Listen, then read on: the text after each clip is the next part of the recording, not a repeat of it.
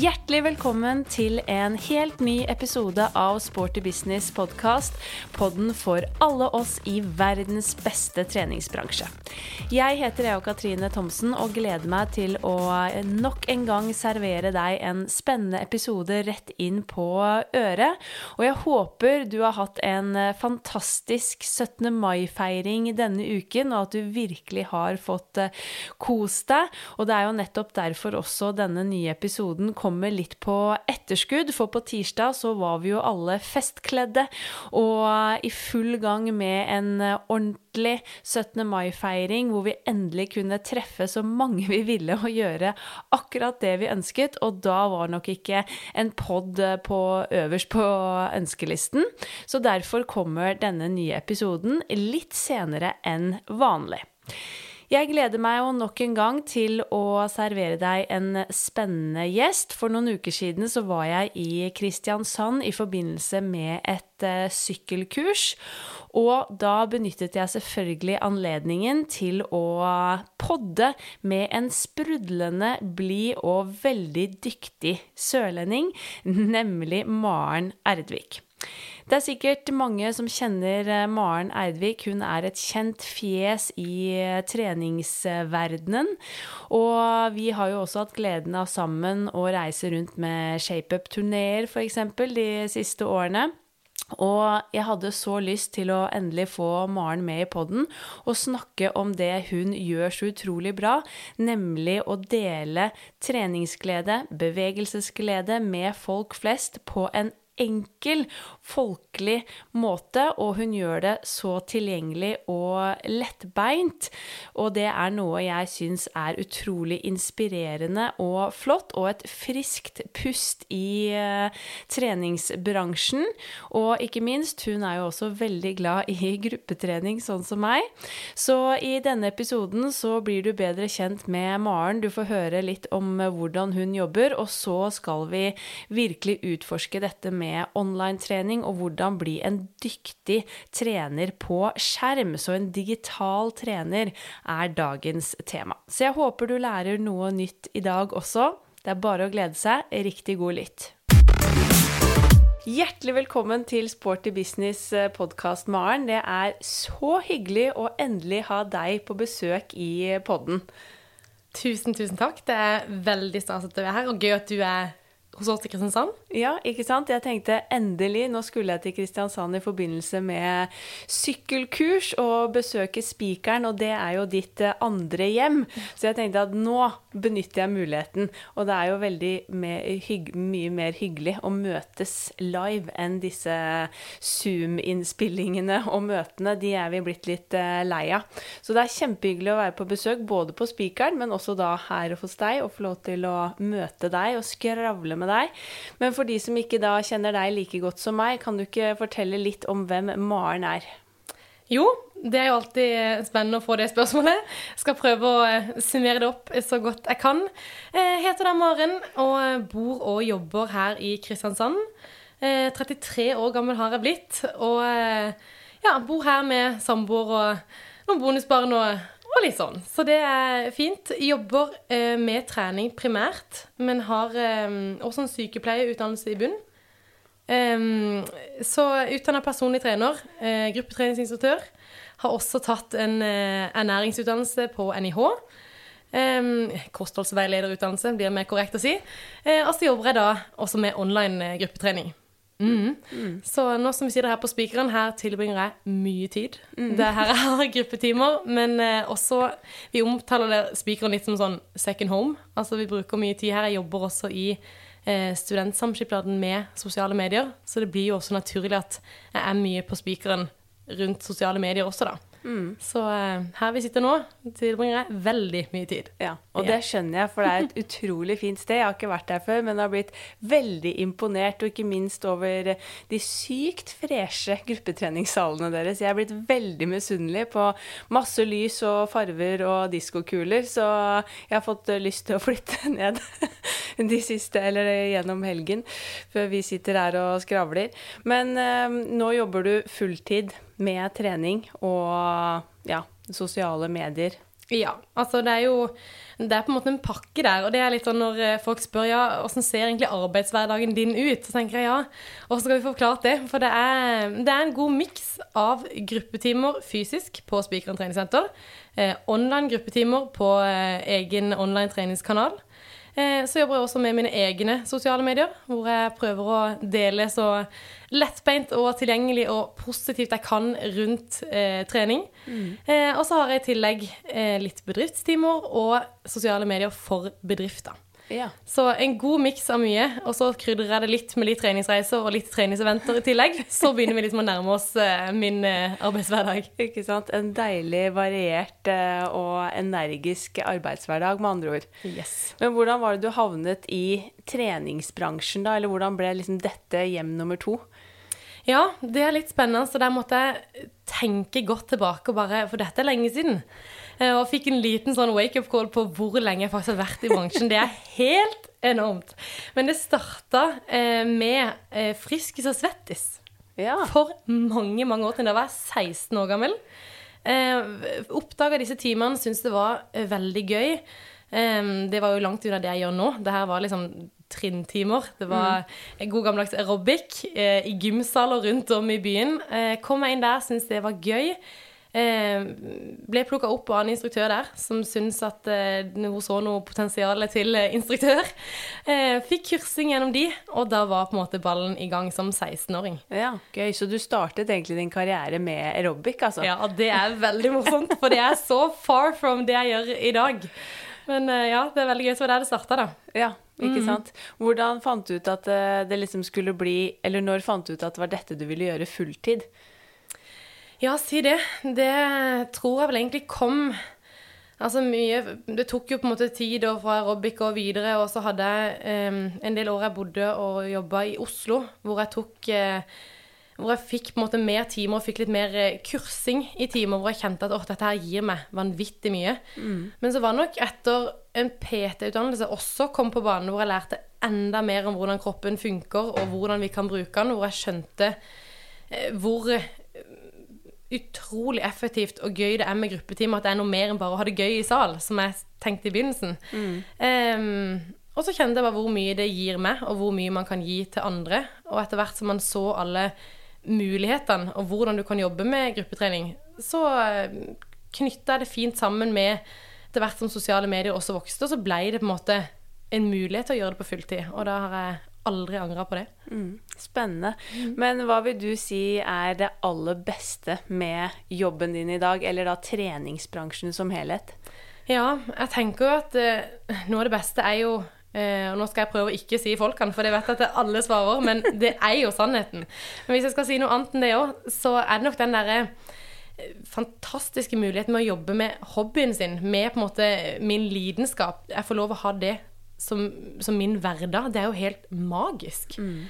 Eh, og så kommer man ikke unna, som sagt, det med alle mennesker man møter. Både eh, kollegaer, det er jo grunnen til at jeg velger også å ha fysiske eh, timer på treningssenter og ikke bare jobbe online. Det er jo de kollegaene man får, og de folka man møter i salen. Mm. Altså, det er noe helt unikt. Og vi har hatt så mange moments inni der hvor jeg bare kjenner på en sånn euforisk rus av endofiner endorfiner og treningsglede. Hvor jeg kjenner at altså, en føler seg heldig hver eneste uke. Jeg gleder meg til jobb hver dag. Og det er ganske mm. unikt å kunne si. Ja.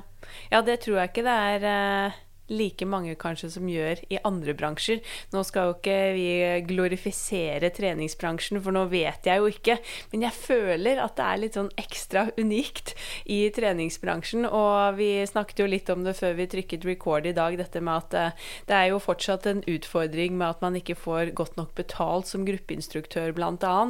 Eh, og hvis man begynner å liksom regne på det ned til krona, så er det jo nesten litt sånn gratisarbeid med tanke på hvor mye vi legger ned i disse timene. og og gjennomføringen. Men så er det jo også det at eh, vi klarer jo ikke å gi oss, for det er jo så fantastisk når vi først står der i salen med de menneskene, og som du sier, den euforiske følelsen. Og jeg også bare Jeg bare blir så lykkelig. Og gjennom uh, koronapandemien også, hvor det var nedstengt, altså jeg ble jo, altså, jeg ble jo sur. 100 Kjenner meg veldig godt igjen i det. Og det var jo faktisk under pandemien at jeg starta med online gruppetrening. Mm. Fordi Altså, du plukka bort en så stor del av min hverdag som, som, ga meg Og da kjente jeg jo faktisk hvor mye det ga meg. Det er akkurat det. Så, så da kjente jeg at nå må vi, nå må vi gjøre noe. For mm. du kan ikke bare ta vekk dette. Og da var det litt sånn på ubestemt tid, på en måte. Man visste jo ikke hvor lenge vi skulle være vekke fra gruppetrening. Nei, nei. Eh, så da, det var da den døra der åpna seg, med å flytte gruppetime online. Mm. Mm. Og det skal vi jo snakke litt mer om, men hvilke timer generelt er det du underviser i dag, da? Både på spikeren og Eller hva går det mest i også da på online-trening? Ja, det er jo litt gøy, for som du sa, det starta liksom med trinntimer og koreograferte timer. Og så hadde jeg Det her er litt morsomt, for jeg måtte ringe eh, mammaen min i går. bare sånn når var det egentlig jeg starta, hvordan starta det? Så er hun veldig god på årstall, sånn, så vi kom fram at det var da jeg var 16 år og sånn. Og så sa jeg, men hvorfor Hvorfor jeg? For det kan jeg ikke huske sjøl. Mm. Så sier hun du fant aldri eneren. Oh, ja. og da måtte jeg le, for da tenkte jeg på deg og Katrine. For det er sånn Det, det bare funka ikke for meg. Jeg klarte ikke den der koreograferte og klare å treffe og klare telling og sånn. Så da måtte jeg bevege meg bort fra det. Ja. Eh, så da fant jeg spinning. Ikke sant? Ja, Som ble en eh, sånn trygg Det var så trygt for meg å få lov å sitte på den sykkelen og bare kunne sitte der gjennom hele timen. Veldig bra. Så da gikk jeg over Droppet du takk på sykkelen, da? Ja. Jeg ja. fikk aldri det helt til. Men jeg hadde så mye på en måte i meg sjøl som personlighet at jeg tok det igjen der. Ja. Så det ble et sånn lite show på sykkel, kan du si. Under, høy underholdningsverdi. Ikke så mye sånn eh, teknikk og, og takt og rytme der. Men eh, det funka på sitt vis. Ja. Men igjen, det funker ikke i lengden når man ikke klarer å lære seg grunnprinsippene. Så da um, fant jeg etter hvert min lidenskap for styrketrening, og mm. der putta jeg det også inn i gruppetimer. Så det har vært uh, det vi på Spikeren kaller for Metcon, mm. med litt sånn crossfit-inspirert uh, styrketrening. Og alt av hit. Altså sirkeltrening, bootcamp, eh, tabata. Mm. Eh, der har jeg virkelig min passion. Det er det aller gøyeste jeg kan tenke meg. Hvor du får kombinert styrketrening og puls i samme økta. Ja. Helt mm. nydelig. Og der fikk man god bruk som personlig trener å putte inn det på en måte man kan derfra, da. Absolutt. Mm. Det er jo en stor verdi å utdanne seg som eh, PT når man er instruktør. Jeg husker selv hvor mye jeg lærte på den PT-utdanningen som jeg har tatt med meg inn i instruktøryrket. Du, eh, det er en stor fordel også motsatt, hvis man eh, ja, jobber som PT og blir instruktør, sånn at man kan også ha gruppetimer. For man møter jo så mange mennesker, så det er jo gull verdt å kunne jobbe som begge deler på treningssenteret. Men har du selv liksom vært like glad i trening og aktivitet hele livet, eh, før du da endte opp eh, som 16-åring eh, inn i Friskis og Svettis-verden? Eller hvordan har det vært? Eh, ja, det er, jeg har alltid vært veldig aktiv måte fra jeg var bitte liten. Og har eh, turna i mange år. Konkurrert i turn. Vært eh, over gjennomsnittet aktiv der. Og det gjorde jeg helt fram til jeg var 13 år gammel. Ja. Eh, og satsa på en måte egentlig litt der. Um, så vil det ha seg sånn uh, at den ikke Altså, når du er 13 år gammel, så må du på en måte Da må du ta et valg. Enten mm. så går du all in, og da satser vi på, uh, på turn. Uh, og det Da må du på en måte velge bort ganske mye annet. Mm. og så må du være ganske på en måte streng med deg sjøl hvis du ønsker å komme langt der. Og det var ikke noe jeg ønska, og ikke noe familien min heller ønska for meg da. Så da takka jeg for meg der, men da hadde jeg jo blitt vant til å trene ganske mye. Så ble det noen år litt sånn demonstrativt uten trening, ja. før jeg da som 16-åring fant veien inn i Frisk og Svettis. Så mm. mye aktivitet i Mardom, men med et par år der uten midt i. Ja. Hva vil du si at det er det beste trening og bevegelse gir deg i hverdagen, da? Åh, det er liksom så stort spørsmål, og eh, altså, jeg syns de, altså, de, det er helt nødvendig i min hverdag. Fordi mm. det gir meg eh, Bare sånn som i dag, hvor hun står opp og jeg har hatt en online-time før vi møtes. Altså jeg er våken, jeg føler meg liksom fylt av energi, klar for dagen, godt humør. og det er liksom Det er det, da. Det gir meg masse eh, kvalitet sjøl i hverdagen. Det gir meg energi, det gir meg overskudd. Og så gir det meg mye sosialt, fordi det er jo, det er jo min arena på å treffe mye folk. Mm. Eh, så jeg føler nesten at det gir, meg, det gir meg verdi i hverdagen min. Ja. Rett og slett. Mm, det er sånn stort å si, men ja. ja. Veldig enig. Men uh, jeg tipper jo at du også har de dagene hvor du kanskje ikke frister like mye å gå på trening. Uh, hva, hva, gjør du da? Ja, å, tro meg. Og det er litt sånn viktig å få frem òg, at uh, selv om vi er instruktører og dette jobber vi med på fulltid, så har vi jo mange dager hvor vi kjenner at ah, du, altså, jeg har stått rett før jeg skal starte en time, og så har jeg ikke lyst. Mm. Eller våkner om morgenen og kjenner at orker ikke. Nei, for jeg tror det er veldig viktig å tenke på også med tanke på at eh, de vi har i salen, da, i hvert fall hvis vi tenker gruppetreningssetting, så er det jo ikke alle der som gleder seg til den økten, eller har kommet dit bare fordi de har lyst. Og det er jo mange som ser på oss, tror jeg, som tror at vi syns det er like gøy hver gang. Og liksom spretter opp om morgenen og gleder seg til trening. Ja, og det, det har jeg egentlig brukt litt om bevisst inn mot eh, min gjeng. Jeg er den så kaller de for gjengen min. Alle som er på min time, det er min, min gjeng. Mm. Eh, og da sier jeg av og til det. Da, I dag, dere, jeg er så imponert over at dere er her klokka sju om morgenen. Altså, jeg vet med meg sjøl, i dag hadde jeg ikke lyst. Og så ler de litt i salen, så er vi litt sånn sammen om det. Eh, og det jeg gjør på en måte når jeg kjenner at jeg ikke, ikke orker eller ikke har lyst, eh, så minner jeg meg sjøl på akkurat hva er det det gir meg. Mm. Hva sitter jeg igjen med? Hvordan er følelsen min etterpå? Hvordan føles det idet vi trykker play, sangen kommer, vi er der, jeg møter gjengen min, og så går det sånn Og noen ganger så har jeg ikke lyst, men jeg gjør det likevel. Og så kommer følelsen. Så det er ikke alltid jeg klarer å motivere meg i forkant og tenke de tingene min det kjøper følelsen etterpå, alt dette vi har hørt om. Det er ikke sikkert alltid jeg får til det, men da er det faktisk bare dropp motivasjonen, bare gjør det. Mm. Ikke, ikke, tenk for mye, bare still opp, møte opp. Og så vet vi jo at det tar av og blir bra når vi bare ja. kommer oss dit. Så du må bare egentlig bare møte opp, gjennomføre, og så kommer de gode følelsene. Mm. Mm, og hvis ikke, så angrer vi jo på en måte aldri. Det er en sånn god sånn Det er jo en klisjé som bare det at du angrer aldri på en treningsøkt, men det er jo så sant. Ja. Jeg skulle til å si det. Det er jo noe man pleier å si, eller det står som en eller annen sånn quote et eller annet sted. Det er jo litt sånn klisjé, men jeg har faktisk tatt meg selv i det mange ganger. At de dagene det har vært blytungt, og så har jeg likevel trent, så er jo den godfølelsen på plass med en gang etterpå, eller underveis til og med, hvor jeg liksom våkner til liv. Uh, og jeg har jo virkelig aldri angret. Nei. Så det det er jo noe i det. Det er ikke bare en eh, klisjé. Absolutt. Du le leverer jo i dag både fysiske treningsøkter, gruppetimer, men også mye online på egen eh, online eh, portal eller plattform. Og denne online-treningen, den virkelig tok jo fart gjennom eh, koronapandemien her i Norge. Det har jo vært litt av det før, men det var jo da nordmenn flest, føler jeg, fikk liksom øynene opp for online-trening, og alle begynte nesten liksom å rulle ut matta hjemme på stuegulvet. Og du var jo også med når vi arrangerte online convention eh, to ganger gjennom eh, Inspartum, som også var kjempegøy. Men hvordan syns du det er å liksom ha tatt steget fra å være fysisk trener til å også da jobbe som eh, online eller digital trener i dag? Mm. Altså, det er veldig ulikt. For du må jobbe på en helt annen måte, og jeg skal være så ærlig å si at eh, helt i starten, eh, etter de første rundene jeg hadde hatt, så tenkte jeg det her er ikke for meg. Fordi jeg tror på en eller annen måte så er du bevisst eller ubevisst er vi så avhengig av feedback. Mm. Det blikket du får fra liksom deltaker på rad to der, den der, eh, hun som hopper ekstra høyt, plutselig sier en deltaker wow, for de blir så gira det der, der det forsvinner helt når du driver med, med online trening. Mm. Så jeg kjente til de første gangene at ja, ja, jeg prøvde, men dette, dette, er ikke for meg. Men så er jeg litt sånn som person òg at jeg liker ikke å gi meg. Så jeg tenkte nei, vi vet ikke når vi får åpne opp igjen. Vi må gi en sjanse til. Jeg har jo på en måte det brennende engasjementet for å dele treningsgleden og vet at det sitter så mange der ute. Gjengen min fra treningssenteret, hva får de nå? sant? Mm. Vi må prøve igjen. Og så eh, ga jeg meg bare ikke. Så jobba jeg godt med timene. Jobba med hvordan, hvordan skal jeg komme ut, hvordan deler jeg energi. Når jeg bare står og ser rett i et kamera, ja. og det er ingen her. Eh, og etter hvert så, så ble det bedre og bedre, og nå eh, kan jeg jo ikke se for meg en hverdag uten online-trening. Nei, ikke sant. Men hva vil du si er de store fordelene med online-trening?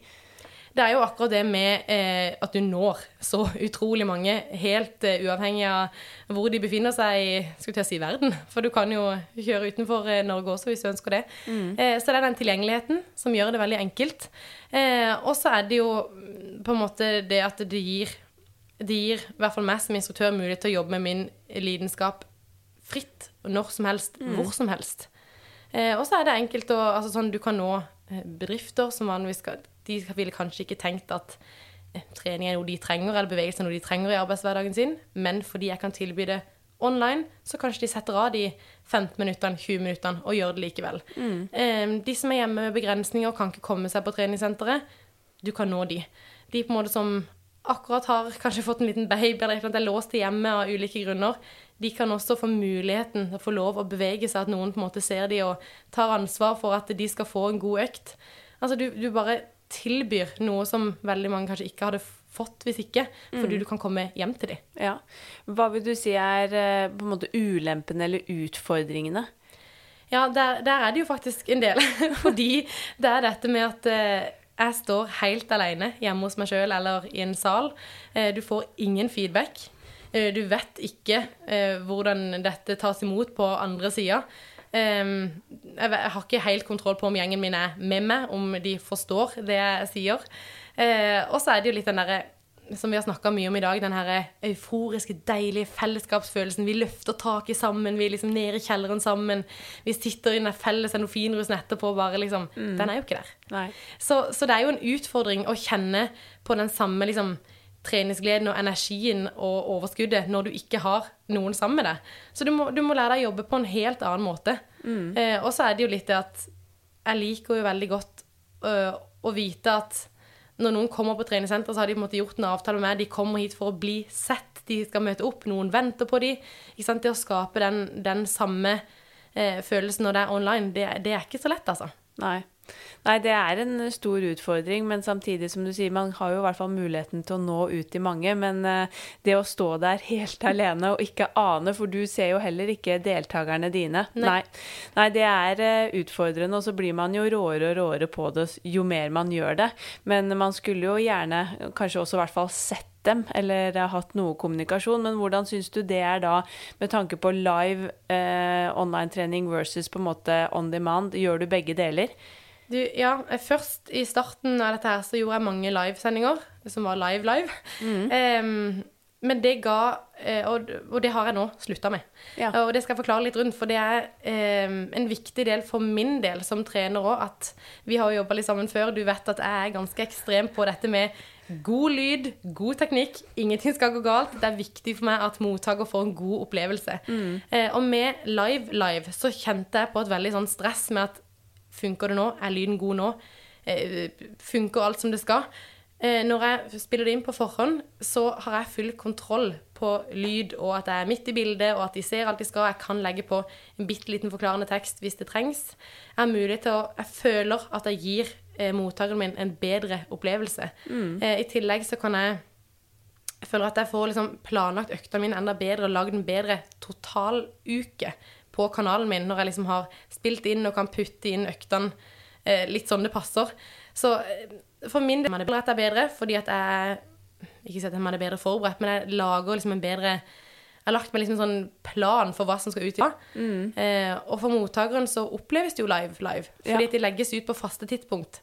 Eh, så mottakeren, og det føles jo for de som at jeg står rett foran de når de trykker play, Ja. eh, så for både måte avsender og mottaker, så føler jeg bare at det har blitt en, en tryggere og bedre måte å holde tiden på for meg. ja. Eh, Så er det veldig mange som kjører live live og trives kjempegodt med det. Eh, men for det der eh, kontrollfri-kodet mitt, så funker det veldig godt å gjøre det sånn her. Det skjønner jeg, men har du fått noen tilbakemeldinger fra eh, de som er med deg og trener, med tanke på om de setter mer pris på liksom live eller det som er ferdig spilt inn? Ja, eh, i begynnelsen når jeg ga de beskjed om at jeg spilte det inn litt på forhånd, eh, så var det litt sånn åh, men de liker godt å skulle møte opp, og at vi er der samtidig. Men nå er det jo sånn jeg, jobb, jeg jobber jo online, så jeg er der jo faktisk hele tida. Så når jeg har lagt ut en økt, eh, så er jeg likevel i kommentarfeltet. Jeg er der. Så jeg er der og svarer på spørsmål. Jeg heier på de. At hvis det kommer opp noe de lurer på, så er jeg jo likevel der. Ja. Eh, så, så det er jo en fordel med at eh, jeg liker jo godt å være online, og jeg er mye online, så er det jo for de likevel. Så når vi bare hadde gjort det her noen uker, så var det jo ingen som kjente noe forskjell. Nei. Og da funka det veldig bra. Og skal det også sies at eh, jeg spiller det ikke inn på en måte en måned i forkant. Jeg spiller det inn den samme uka. Så går det en økt ut på onsdagen, har jeg spilt den inn på tirsdagen. Ja. Eh, eller til og med tidligere samme dag. Så det er jo på en måte eh, veldig tett opp til, men det går bare ikke helt live. Ja, ikke sant. Jeg skjønner. Nei, for jeg også har litt eller inntrykk av det etter å ha gjort utallige ting, at det er ikke nødvendigvis så viktig for folk at det er helt live-live, som du sier. Eh, så lenge de også kan kommun kommunisere med deg. Ja. Eh, kanskje i, om det er på en Facebook-gruppe, eller om det er på en annen plattform, eller hvordan det er, men at man likevel da kan bygge litt det communityet, så er det ikke så viktig om det er live-live. Yes. Eh, men at man kan spille det inn på forhånd. Helt, eh, helt enig. Men uh, hva tenker du skal til for å lykkes med online-trening, da? Det er jo mange i dag som har begynt med online-trening, og da fortsatt med det etter uh, pandemien. Det er jo også flere treningssentre som har uh, diverse digitale produkter nå. Mm. Der tenker jeg altså Det viktigste er at du er dedikert til online-trening. Har du bestemt deg for å trene online, så må du for det første stå i det. Eh, fordi at det vil være ubehagelig i starten. Og det er kleint i starten, for å være helt ærlig. Eh, du må øve mye. Mm. Du må på en måte bli vant til at dette er din arena.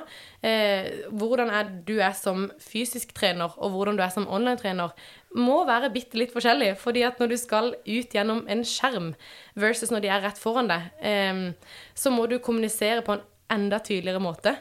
Du må være kjempetydelig, du må være overtydelig i bevegelsene dine. Fordi mm. at eh, du har ikke deltakeren din rett foran deg. Det skal gjennom denne skjermen, og da kan på en måte mye informasjon gå tapt på veien. Det er litt lenger.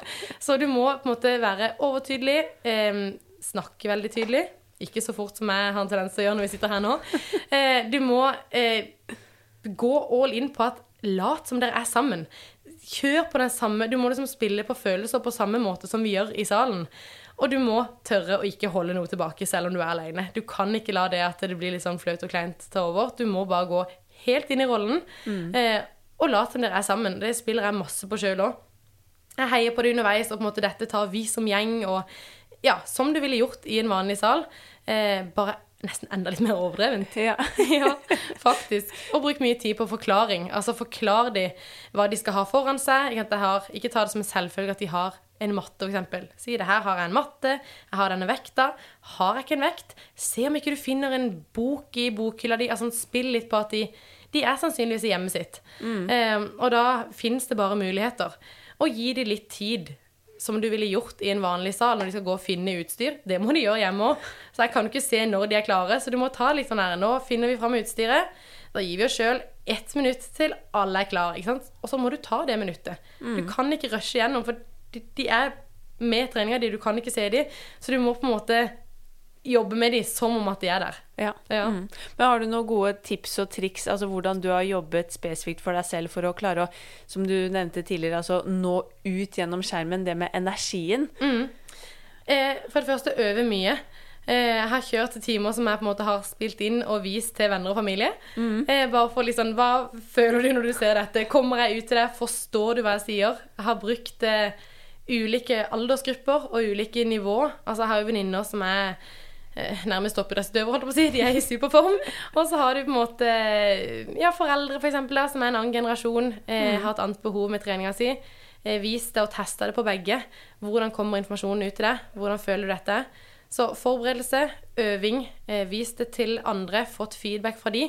Og så handler det mye egentlig bare om skaffe deg erfaring, mengde. Ja. Eh, og det tørre å ta stor plass. Mm. Du er den eneste på den skjermen for deltakeren din. Du må ta det rommet, holdt på å si, viser sånne hermetegn med fingrene, men du må, du ja. må tørre å ta din plass. Mm. Eh, og så må en øve litt på dette med lydnivå på din egen stemme versus musikken. Mikrofon, ikke mikrofon. En må faktisk bare teste litt. Ja. Men det viktigste er gå all in, og ikke la det bli kleint. Ja, det er veldig gode tips også det å skrive litt sånn manus eller forberede hva man skal si. For det er jo I hvert fall så har jeg også snakket med mange andre instruktører som vi som er vant til å jobbe fysisk, vi får jo ofte, som du sier, også da feedback fra deltakerne. Så ofte så er det jo noe som oppstår i rommet som du da velger å kommentere, eller det er noe som skjer, eller det kanskje er noe som har skjedd den dagen også, man har en sånn felles eh, Eller noe felles man kan snakke om. Og det er jo ofte den feedbacken, eller det at du ser at de jobber med kanskje en litt uheldig teknikk, eller at de gjør noe som er veldig bra, og så er det det du kommuniserer. Men når du står der, da, helt alene, og som du sier, bare ser inn i en skjerm, så er det jo sånn, du må jo faktisk finne på ting å si. Og du må jo finne på ting som du vet vil mest sannsynlig være nyttig også for mange av de som står på andre siden av skjermen, yes. og få med seg. Ja, og det er veldig viktig. Du sier en viktig ting der også, dette med utførelse av teknikk. Eh, der kjenner jo jeg mitt eh, PT-hjerte at eh, det, er sånn, det er litt utfordrende. Og derfor blir det også kjempeviktig at man har en tydelig instruksjon. Når du viser øvelser og på en måte kanskje snakker litt om her er det fort gjort at ryggen krummer seg her, eller her er det fort gjort å miste holdning, her må vi være bevisst på det. Enda tydeligere enn man ville gjort eh, når du er i salen, da. Mm. For vi ser det ikke, og du må på en måte gjøre de bevisst på de eh, fellene eller feilene man på en måte kan gjøre i den aktuelle øvelsen. Du må være ganske sånn på. Ja, helt klart. Og jeg opplever jo ofte at det er lettere for folk å da, når vi er i samme rom, se på meg og bare liksom speile mitt øvelsesbilde, enn når du da står bak en skjerm. Kanskje du har deg på en litt liten skjerm, ikke like lett å se. Kanskje man er mye opp og ned, liksom ikke ser på skjermen hele tiden, så er jo det mer utfordrende, som du sier. Men nå, nå kjører jo ikke du på en måte trinntimer eh, digitalt og online, men hvordan gjør du det med på en måte speiling høyre og venstre? Altså hvordan coacher du de på de tingene der? Ja, der er jeg jo veldig opptatt av at um, jeg vet, altså De ser jo meg på kamera, det er jo ikke så mye Det er jo styrkeøvelser. Men jeg passer på at eh, de får sett meg fra ulike vinkler. At jeg på en måte, jeg facer de rett fort for, forfra. Jeg stiller meg sidelengs eh, hvis det er en øvelse F.eks. triceps overhead. Så snur jeg meg rundt, viser de ryggen, ser hvordan, hvordan vekta jobber over hodet mitt ned bak kroppen. Eh, så jeg passer på i løpet av Siden vi jobber på tid, da, så passer jeg på i løpet av den arbeidsintervallet vi har, at jeg har vist meg fra ulike vinkler. Ja. Og også i introduksjonen før vi starter timen, så viser jeg de det fra ulike vinkler. Og det tror jeg er kjempeviktig, for det er som du sier, de ser det på en skjerm. Noen bruker Veldig mange bruker mobilen.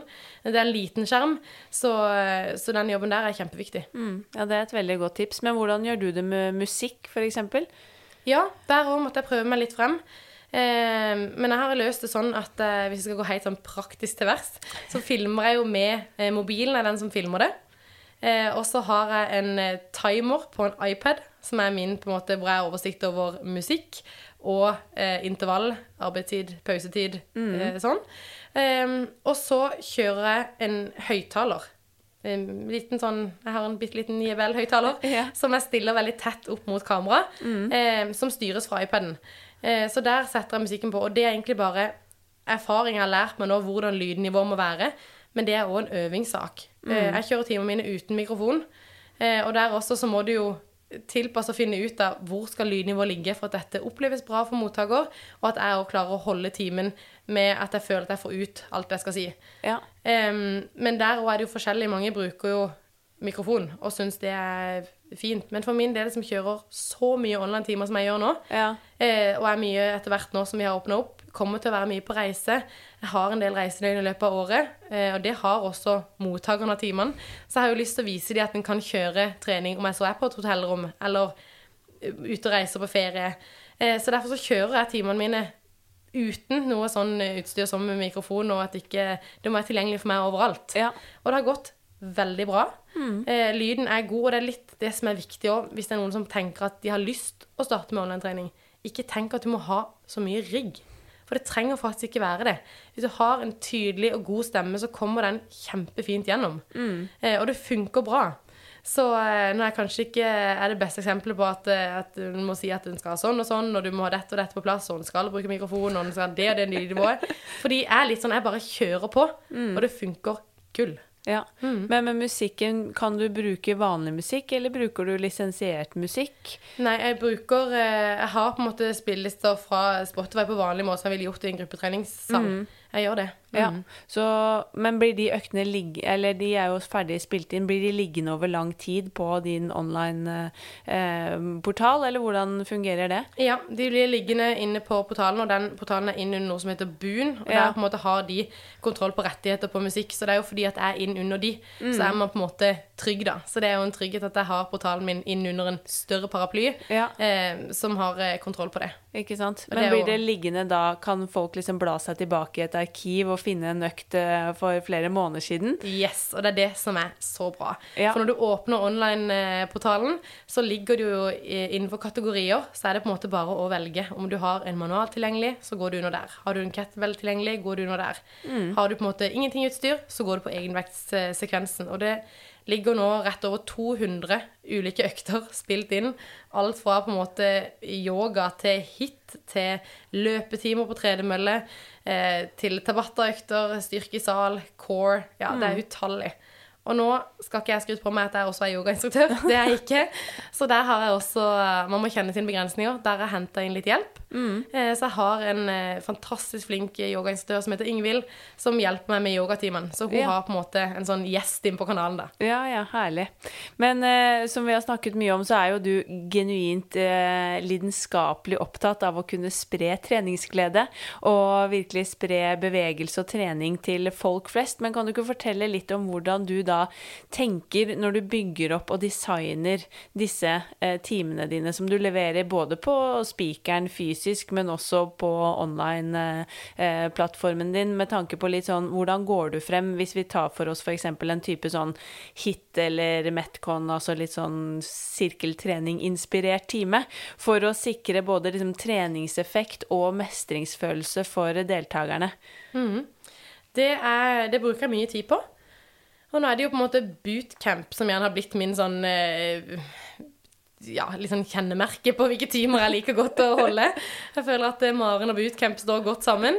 Eh, og det er viktig for meg både fordi jeg har på en måte bakgrunn som personlig trener og sykepleierutdannelse i bunn. Det er viktig for meg at vi eh, jobber trygt, og at vi jobber eh, effektivt, og at vi på en måte tar vare på alt og alle. Når du har en gruppetime, så er det ikke sånn at, har, at alle er på likt nivå. Og da er det veldig viktig for meg først og fremst at når vi starter timen, Eh, selve økta, så er alle i den salen klare. Så oppvarming legger jeg mye i. Mm. Eh, alt fra på en måte har gjerne en sekvens med dynamisk stretching først. Altså at vi tøyer, beveger oss gjennom en tøyesekvens hvor man er kanskje mest opptatt av at ledd skal smøres, og at kroppen skal bli klar. Mm. Um, del to av oppvarmingen legger jeg på litt mer uh, over i puls. At vi skal på en måte bli gode og varme. At vi er varme i muskulaturen også når vi starter. Uh, så bare der legger jeg mye. Men det oppleves ofte sånn at eh, deltakelse er litt sånn kjedelig med oppvarming. Og derfor så prøver jeg å legge det inn litt på samme måte som jeg gjør selve økta. Som eh, Si det er en sirkel, da. Mm. Så legger jeg inn at det går på tid også. Ja, det er denne bevegelsen vi gjør, men vi gjør det i f.eks. 40 sekunder, så får du en 20 sekunder pause før neste øvelse kommer. I oppvarming også. Ja. Og så kjører jeg litt sånn bruker mye, eh, bruker mye, tid på å finne musikken til oppvarming, sånn at det også skal bli en liten sånn opplevelse, og litt gøy. Mm. Eh, for oppvarming er nødvendig, og det er kjempeviktig, og det er litt sånn synd at det oppleves som kjedelig. Ja, jeg er veldig glad for at du sier at du bruker mye tid på oppvarming, for det har også vært en litt sånn trend i treningsbransjen de siste årene hvor alt skulle bli så supereffektivt, og man skulle trene så kort, og alt skulle være liksom eh, ja, hit-treninger som bare skulle være liksom 20-30 minutter, og alt skal gå være supereffektivt, så har man ofte liksom kuttet ut oppvarming.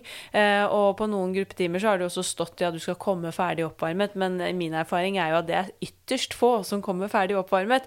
og nettopp som du sier, det er så viktig med den oppvarmingen. Både for eh, du, altså treningsutbytte av den økta, men også skadeforebyggende. Det å bare sette i gang kroppen, gjøre deg klar. Altså det er jo en veldig viktig del av en treningsøkt. Det er kjempeviktig, og det viktigste er som du sier, dette med skadeforebygging og sånn, men så er det òg litt med det når du får noen inn på timen din, så kommer de fra alt mulig. De har vært på jobb, eller si det er en morgentime, så kommer de kanskje fra en stressende morgen hjemme med barn som skal sendes av gårde på skolen, kanskje har du krangla med samboer før du kommer, du har ikke sovet noen ting i natt. Altså Det er noe med å mentalt også lande litt i denne salen. Nå er vi mm. her, det er dette vi skal gjøre. Du får liksom noen minutter på å bare liksom snu fokuset litt. Og det pleier jeg også å si, for jeg syns det òg er litt viktig. Eh, at nå er liksom nå er det her og nå. Nå er vi her. Dette er din time. Nå skal vi på en måte, nå er det kun du som er i fokus. Ja. Nå, er vi, nå, er vi, her, liksom. Dette er fokuset. Mm. Og det tror jeg er kjempeviktig. Så, ja, og forklare de, som du sier, liksom, hvorfor er det viktig med oppvarming. Mm. Sånn at de lærer det òg. Der kommer jo liksom treningslæren inn igjen med en gang. Absolutt. Og så er det Etter den gode oppvarminga, så er det jo eh, Bygger alltid timen sånn at på en måte Han bygger seg jo opp. Vi begynner gjerne med noen av de øvelsene som er jeg går liksom på, på hele kroppen og liksom de store, store musklene.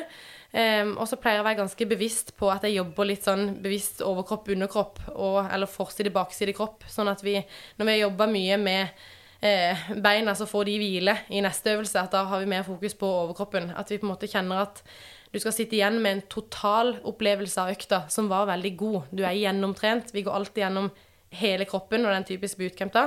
Eh, sånn at du sitter igjen og kjenner at ja, men du har liksom fått kjørt beina godt, fått kjørt core, mage godt, du har kjørt overkroppen, skuldre, armer godt, og så har du også fått en god dose pulstrening, hjertetrening, mm. inni det også. Ja. Mm. ja, for du kjører mest kombinerte økter. Yes. Ja. Alltid. på den typen timer jeg har desidert mest av, eh, som er da Tabata, Heat, Bootcamp, Ja. disse her, eh, så kjører vi all in one. Og det opplever jeg også at i dagens samfunn vi har ikke så mye tid til trening. De som kommer på gruppetrening, de vil gjerne ha alt igjen. Mm. Og nå snakker jeg om den derre klassiske eh, mannen dama i gata. Eh, De vil gjerne få all in one når de kommer, og det opplever de som kommer til meg og vil trene hit og bootcamp, de ønsker gjerne å få så mye som mulig ut av den timen de har satt av til trening. Ja. Så har vi jo de som måte har mer tid, de trener flere ganger i uka. De kan gå mer spesifikt inn og, og trene mer eh, isolert, kanskje. Men, eh, men de aller, aller fleste jeg møter i salen, og mange av de online nå, i forhold til tilbakemeldingene jeg får, så er det at de ønsker å få gjort mest mulig når Ja. de først møter opp på trening. Ja, og noen av de kommer kanskje bare på den ene eller de to eller kanskje tre da, øktene i løpet av uka. Da handler det om å gi de mest mulig, utnytte tiden, være effektiv. At du da har planlagt den økta godt, så ting flyter og det går smooth. At man ikke bruker mye tid på organisering og forklaring, men at man gir de som kommer mest mulig Absolutt. for den timen, eller de kanskje bare også 45 minuttene. Men kjører du også mest på tid, eller repetisjoner, eller hva pleier du å legge opp til? Jeg kjører veldig mye på tid. Og det er egentlig fordi at eh, jeg har så stort spenn i de som trener sammen med, at det er noe med at alle skal føle at de henger med. Og hvis jeg f.eks. kjører en klassisk 45-15, 45 sekunder på, 15 sekunder av, da kan på en måte Magda på bakerste rad kjøre 10 repetisjoner på de 45 sekundene. Mens Kåre på første rad han kan kjøre 25 repetisjoner. Han kan gønne på, og eh, den andre personen kan velge å roe det litt ned. Og på den måten så får alle eh, kjørt mest mulig ut fra sitt utgangspunkt. Ja. Så har det blitt en sånn eh, fin måte å gjøre det på for min del, som jeg føler passer bra. Så har man også, går man mer over i Metcon-verden, crossfit-inspirerte styrketimer. Der går mye på, på måte amrap, emom, med andre metoder eh, som er kjent fra crossfit-verden, som handler litt om å gjøre mest mulig eh, på en satt tid. Eh, men da jobber man jo også individuelt sånn sett. Ja. Men så har jeg jo en liten drøm, da, og det er jo en grunn til at eh, nå smiler jeg lurt til det her, fordi jeg har jo veldig lyst å inn på Insportum og lære meg litt mer om eh, styrketrening i sal. Eh, Veldig hørt- hyggelig å høre. Ja, der har jeg hørt at vi lærer litt om å jobbe med musikken på takt og i forhold til repetisjoner og sånn. Så, så jeg er veldig klar for å utvikle meg videre og der, da. Ja, spennende. Ja, det må vi skravle videre om. Oh, Ja, yes. nei, det er jo mange, veldig mange muligheter i sal når det kommer til typ dette styrkekonseptet eller hit eller sirkel. Men eh, når det kommer til disse timene som ikke er liksom styrt med musikk, så tenker jo jeg også at tid er kjempefint. Fordi da er man også ferdig samtidig. Så man er fortsatt sammen om det, og det blir ikke noe tydelig hvem som er liksom ferdig sist. Eh, noe som igjen forsterker denne fellesskapsfølelsen som vi har snakket mye om. Men for de som ikke er så inne i crossfit, altså Metcom, hva står det for? Ja, Det står for metabolic conditioning, og jeg har ikke Per akkurat nå så har jeg faktisk ikke de timene lenger. Nei. Eh, jeg syns de er fantastisk gøye. Trener mye på den måten sjøl. Eh, og henter inn mye fra Metcon og fra CrossFit-verden inn i egne hit-timer. Eh, men jeg liker jo bedre jeg vil si, jeg liker bare bedre konseptet i bootcamp og tabatter og de, det der. Men eh, Metcon-teamet har mye gøy og mye bra. For eksempel dette med amrap. As many rounds as possible. Eh, på en gitt tid. Mye teamøkter inn i Metcon, i hvert fall sånn vi kjører det her på spikeren. Ja. Og det er jo på en måte Der har du jo fellesskap på sitt beste. Du møter opp på, på trening. Du får en makker. De aller fleste møter opp alene, det syns jeg er fantastisk. Og så får du bare en partner på timen, og så jobber dere to sammen. Eh, det er jo helt nydelig. Ja. Og der òg får du jo, akkurat sånn som jeg liker det best, puls og styrke i samme økta. Med en god dose teknikktrening i forkant av hver time. Ja. Så de er kult lagt opp. Det er veldig gøy. Det er ofte høy og hard musikk og veldig sånn eh, litt sånn guttastemning, helt uavhengig av hvilke kjønn som er på timen. Og det er veldig gøy, altså. Ja, ja. det er det, absolutt. Så ja, nei, jeg er også veldig fan av sånne timer, og som sagt veldig viktig fordi vi møter, tror jeg, på i hvert fall på treningssentre og også gjennom online-trening. Men har du liksom noen sånne supertips eller sånn fem punkter f.eks. som eh, alle instruktører som hører på, eller Peter, kan ta med seg eh, hjem nå med tanke på eh, å designe liksom skikkelig gode type da crossfit-inspirerte sirkeltrening, hit-type timer? Jeg tenker at ja, må, jeg tenker det første er på en måte bruk mye tid på musikken. For min del så er det det som løfter enhver time. Altså ordentlig sett inn arbeid der. Og eh, nå har du på en måte mye det her med at du, du analyserer musikken med å finne ener og alt det her, som ikke jeg kan noen ting om. Men for min del så handler musikken om å på en måte finne følelsen i det. Finn at du får lyst altså, å kjenne at taket er lettere når droppet kommer, og bare bruk tid på å finne de sangene som virkelig treffer. Eh, som instruktør, vær bevisst på å se alle i salen din. Jeg har et mål om at hadde jeg hatt en gruppetime, og du i etterkant av timen liner opp Si jeg hadde 40 på timen, du liner opp 60 personer, så skal jeg kunne plukke ut de 40 som var på min time. Jeg skal Ja. ha sett de. Det er kjempeviktig, og det er en av mine sånne hovedting som instruktør. Jeg skal se deltakerne mine. Hver og en skal føle at de har møtt mitt blikk i løpet av den timen. Jeg skal vite hvem som har vært hos meg, at de har fått en god opplevelse. Så god musikk, eh, se deltakerne dine. Eh, vær til stede som instruktør. Vi har alle ting som skjer i livet vårt rundt den gruppetimen. Det er masse som foregår på privaten, men akkurat når vi er i den salen med våre deltakere, så er det bare det vi gjør. Og deltakeren vil merke det, om du har hodet ditt en helt annen plass. Så bare tune inn, jobb med fokuset ditt, vær til stede. Eh, og også ta med deg faget. Det er, vi, dette er et yrke. Vi skal ha stolthet i yrket vårt. Ta med deg faget, og har du på en måte ikke en PT-utdannelse, så har du forhåpentligvis en instruktørutdannelse. Og hvis ikke, sørg for å få deg en, sånn at du vet hva du gjør. Vi jobber med mennesker, og eh, det er jo egentlig helt ekstremt. Altså, vi, vi tar det gjennom treningsøkter og utfordrer de skikkelig. Vi, vi, vi må vite hva vi gjør. Så vit at du jobber hensiktsmessig, du har en tanke bak det du gjør. Du vet hvorfor du gjør det. Kjempe, kjempeviktig. Mer er det faglige også. Og så sist, by på deg sjøl.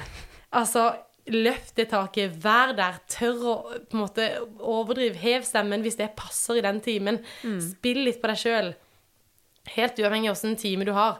Tør å liksom showe lite grann. By litt på deg sjøl. Jeg tror Ja. det er kjempeviktig. Hvis det passer timen. Veldig gode tips, og spesielt det med musikk også. fordi selv om ikke man driver og jobber i takt, så er jo musikken så viktig.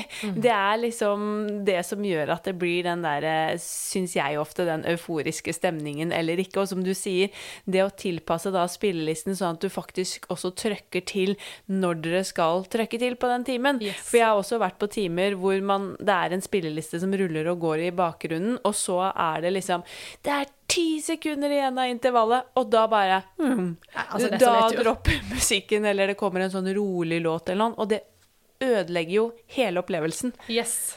Det er liksom den musikken som tar det til et helt sånn nytt nivå. Kjempeviktig. Mm, virkelig. Men eh, vi kunne jo sittet her og skravlet og skravlet om gruppetrening i det uendelige, tror jeg, så vi får begynne å runde litt av. Men jeg er jo også litt nysgjerrig på å høre med deg hva du tenker på, liksom, eller hvordan du ser på treningsbransjen som helhet. Altså hva kan vi gjøre bedre? Hvordan syns du vi presterer i dag med tanke på å være en folkehelseaktør? For vi sliter jo fortsatt med å få flere i aktivitet. Det, der tenker jeg på en måte at eh, Jeg syns jo treningsbransjen gjør utrolig mye bra. Eh, men jeg tenker at de vi, de vi ikke når, er kanskje akkurat de vi burde nå. Eh, og der handler det jo om altså, tilgjengelighet, gjøre det enkelt. Og kanskje det viktigste ufarliggjøring. For jeg tror mange kan synes det å komme på et treningssenter er litt skremmende. Så jeg tror hvis vi klarer å på en måte senke den derre terskelen for å møte opp her så langt ned vi kan. Nå har vi gjort her på Spikrene så nettopp nå at en lanserer en ny time som heter Yoga Basic, som er en nybegynnertime. Kanskje det skal være litt mer av det. Eh, For vi har det som sier det skal på en måte være rått og bra og tøft og fet og kule navn og sant, alt skal boostes og alt skal liksom hypes. Men hva med alle de som ikke er her? Så jeg tror det er litt viktig å på en måte ufarliggjøre det å komme hit. Tørre å også ha nybegynnertimer på timeplanen. Eh, Jeg er spent på hvordan det vil slå ut her nå med den, den vi setter inn nå, for jeg tror, jeg tror det er kjempeviktig. Rett og slett. Ja, helt enig. Vi, jeg har jo en litt sånn oppfatning at vi lager ofte både nye treningssentre, men også liksom et produkt og et tilbud på treningssentrene som allerede er for oss som jobber i treningsbransjen, og de som allerede trener her. Men det hjelper oss jo ikke det hvis vi skal klare å fange inn alle de som burde vært her, og som hadde hatt godt av å begynne å finne gleden i fysisk aktivitet og trening. Det er det. Men der er det jo en nøtt å knekke. Yes. Så, som ikke er lett, men eh, jeg håper at vi kan klare det i større grad. Og jo mer vi snakker om det, forhåpentligvis får du ut, jo flere vi snakker med, som, hvor vi også kan forklare hva er det som faktisk skjer på treningssenteret. Mm. Og man kan vise det frem mer i sosiale medier, vise frem alle sidene. Det er ikke bare de eh, øktene hvor du skal liksom gå i kjelleren og måtte spy nærmest når du går ut, men det er så mye mer enn det. Og det er så viktig, og der kjenner jeg at jeg eh, har faktisk tenkt mye på det, og går litt i meg sjøl òg. fordi at hvorfor deler vi alltid bare de der vanvittige, harde, brutale øktene hvor det er liksom ja, ned i kjelleren og blodsmak og det, er, det treffer en bitte liten del, og det er de som allerede trener masse. Jeg tror alle vi som jobber med trening online og i sosiale medier og deler mye inspirasjon der, kan ta det litt til oss. At det, kanskje vi også skal prøve å huske at det fins veldig mange som følger med, som kanskje hadde hatt behov for at vi tok det litt ned. Mm, tror jeg er kjempeviktig tips fra deg der.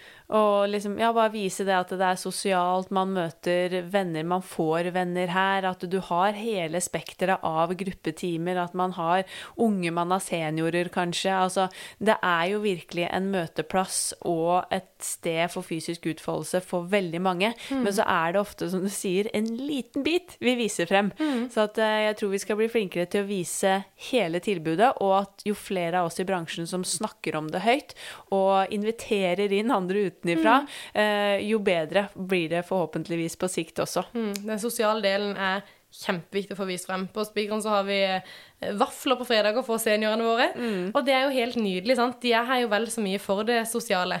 Men viste det for, for, alle, som du sier. Man får faktisk venner på treningssenter, og det er ikke tull. Nei. Det er vi beviser på begge to. Så det man blir venner med folk i treningsbransjen. Ja, ja. Så, så viser fram litt det òg. Ikke bare de harde øktene, men også på en måte alt det andre som treningsbransjen faktisk tilbyr. Ja, helt klart.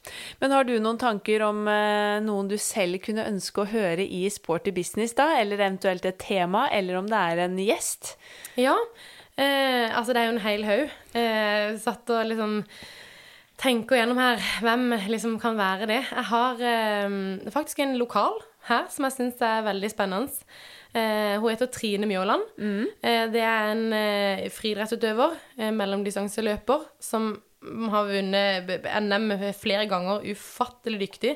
Men hun tar den der fra en toppidrettsutøver og all den kunnskapen hun sitter på innenfor løp, putter det inn i en løpetime ja. eh, her på senteret. Og det syns er en sånn helt unik måte å klare å formidle når du har så mye kunnskap og har på en måte prestert på så høyt nivå over lang tid, så tar hun med seg det viktigste, klarer å putte det inn i gruppeteamkonsept, og deler det ut med medlemmer på en eh, gruppeteam på et senter. Ja. Og det syns jeg er en sånn kjempespennende måte hvor du klarer å gjøre noe som er såpass teknisk og kanskje litt avansert, og gjøre det så enkelt. Og der snakker du virkelig om å sitte igjen med noe etter en time.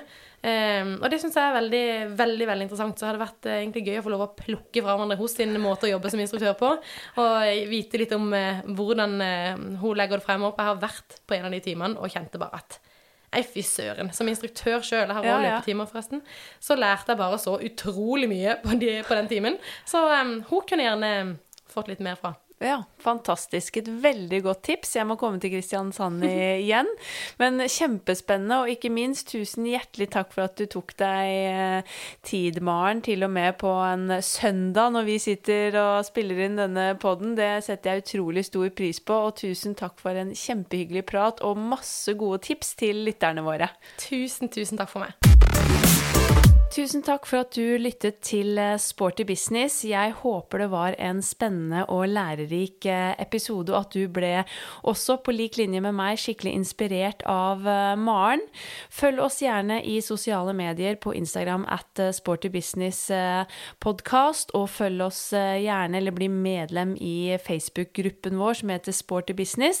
Og så blir vi jo superglade for om du vil abonnere på podkasten vår, og gjerne legge igjen en kommentar, f.eks., eller spille inn eh, ønsker for tema og gjester. Det tar vi også veldig gjerne imot. Vi poddes igjen om eh, to uker. Ha en strålende og sporty uke, og snart helg videre. Denne podkasten produseres av Inspartum Akademi og North Stories.